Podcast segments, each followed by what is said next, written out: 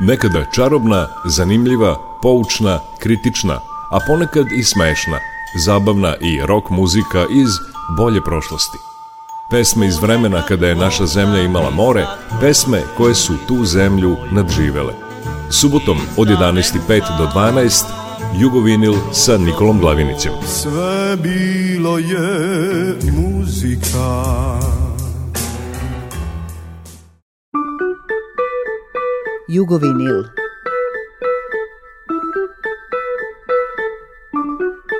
Jugovinil. Čopom ću te gađat moja ma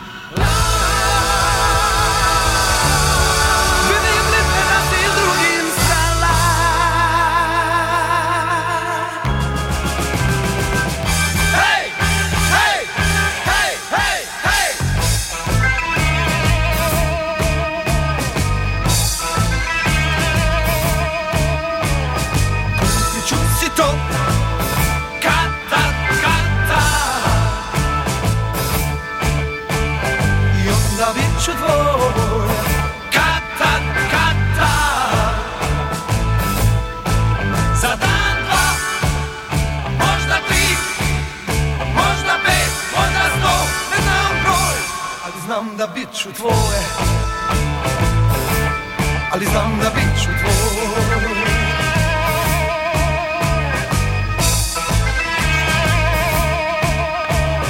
Kupit ću si tank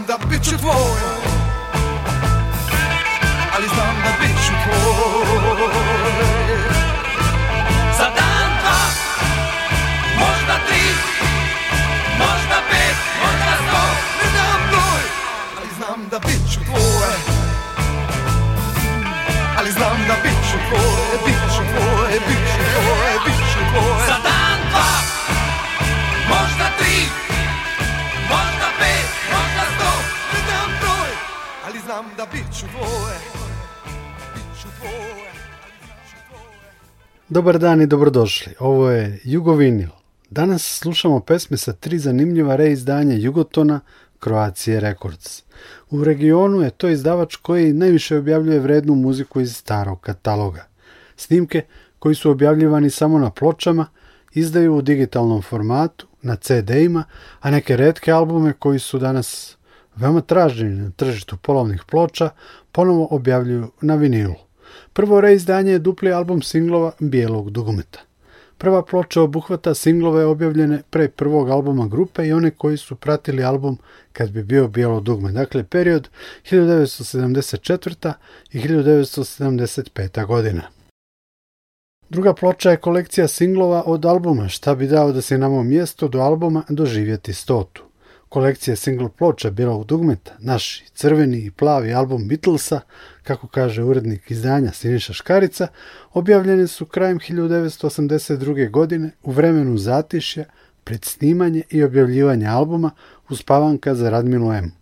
Posle pesme Top eksplozivnog debija Bijelog dugmeta slušamo Dede Bona sjeti se de tako ti svega, verziju sa koncerta kod Hajdučke česme koja se, zanimljivo, nije našla na LP ploči.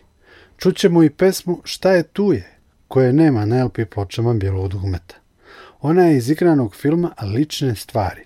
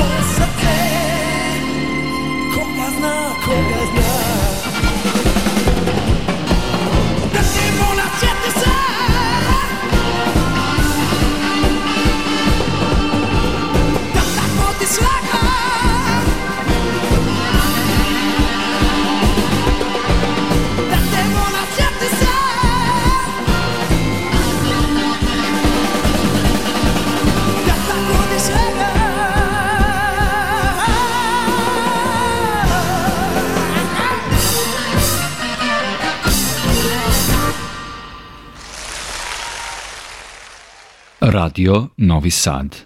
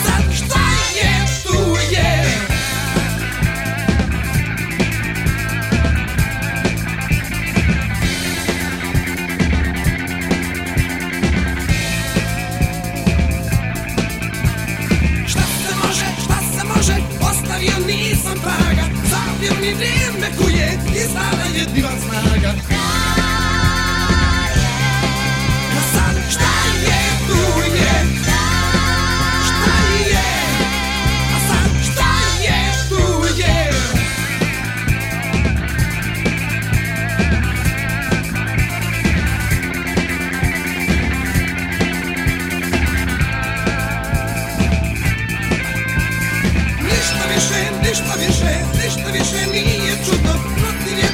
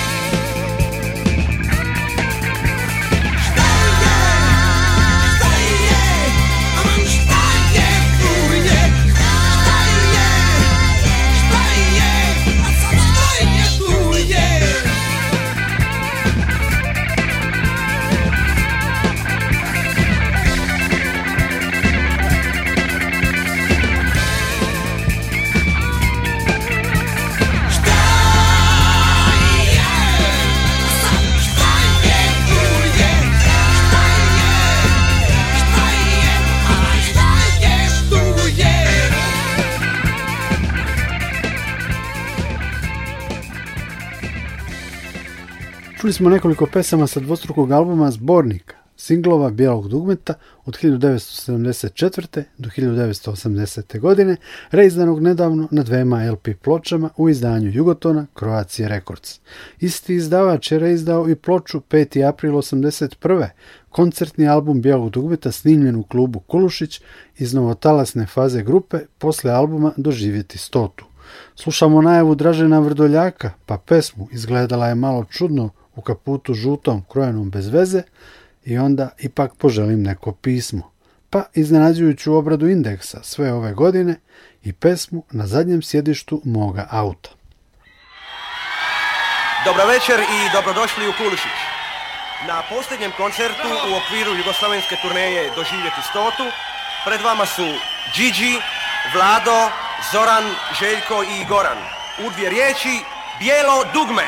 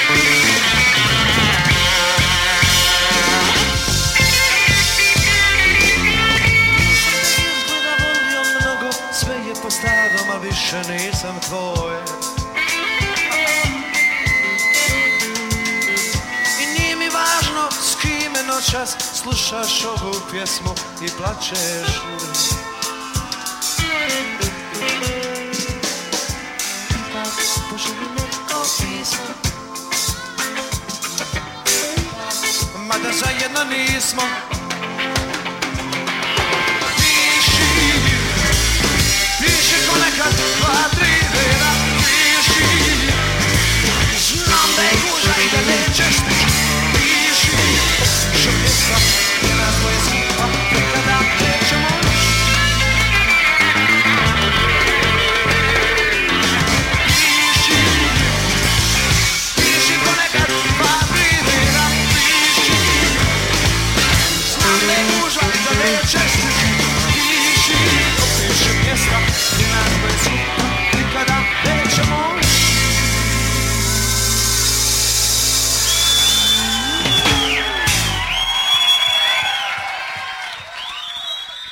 Radio Novi Sad.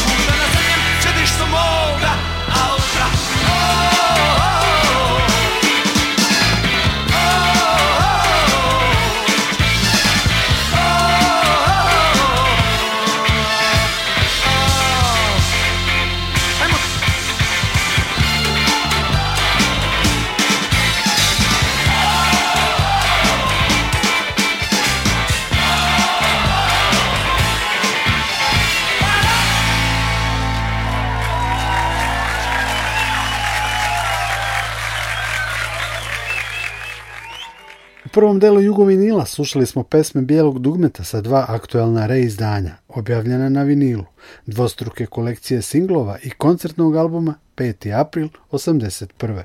U drugom delu emisije evo još jednog vinilnog bisera kojeg je Jugoton Croatia Records nedavno ponovo objavio. Reč je o raritetnom duplom albumu Četiri lica džeza iz 1978. godine na kojem su se u bendovsku formaciju okupili tadašnji velikani džeza Boško Petrović, Duško Gojković, Bora Roković, Damir Dičić, Ratko Divjak, tenor saksofonista Jovan Miković, kontrabasista Krešimir Remeta i pevačica Nada Knežević. Taj dupli album je imao kolekcionarsku vrednost i prodavao se i za više od 100 evra. Sada nam ga je izdavač ponovo učinio dostupnim, što je svakako potez vredan hvale. S albuma Četiri lica džeza slušamo prvo kompoziciju Moja balkanska dama Boška Petrovića, pa obradu standarda All of Me, koju peva Nada Knežević i pesmu za tebe gitariste Damira Dičića. Kompozicije su snimljene na koncertima u Zagrebu i Ljubljani. Nikola Glavinić vas pozdravlja i zahvaljuje na pažnji.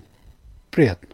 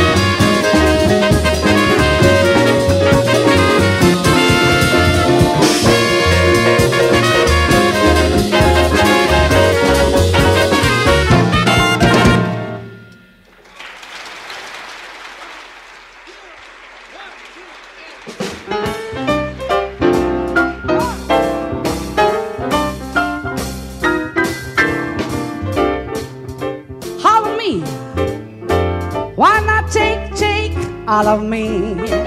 Baby, can't you see? I'm not good without you. Take my lips. I'll never, I'll never, never, never, never use them. Baby, take my arms. I never, I never to talked about the never, the never to use them. Yo, ho, ho, goodbye. Left me with eyes that cry. Oh, how can I?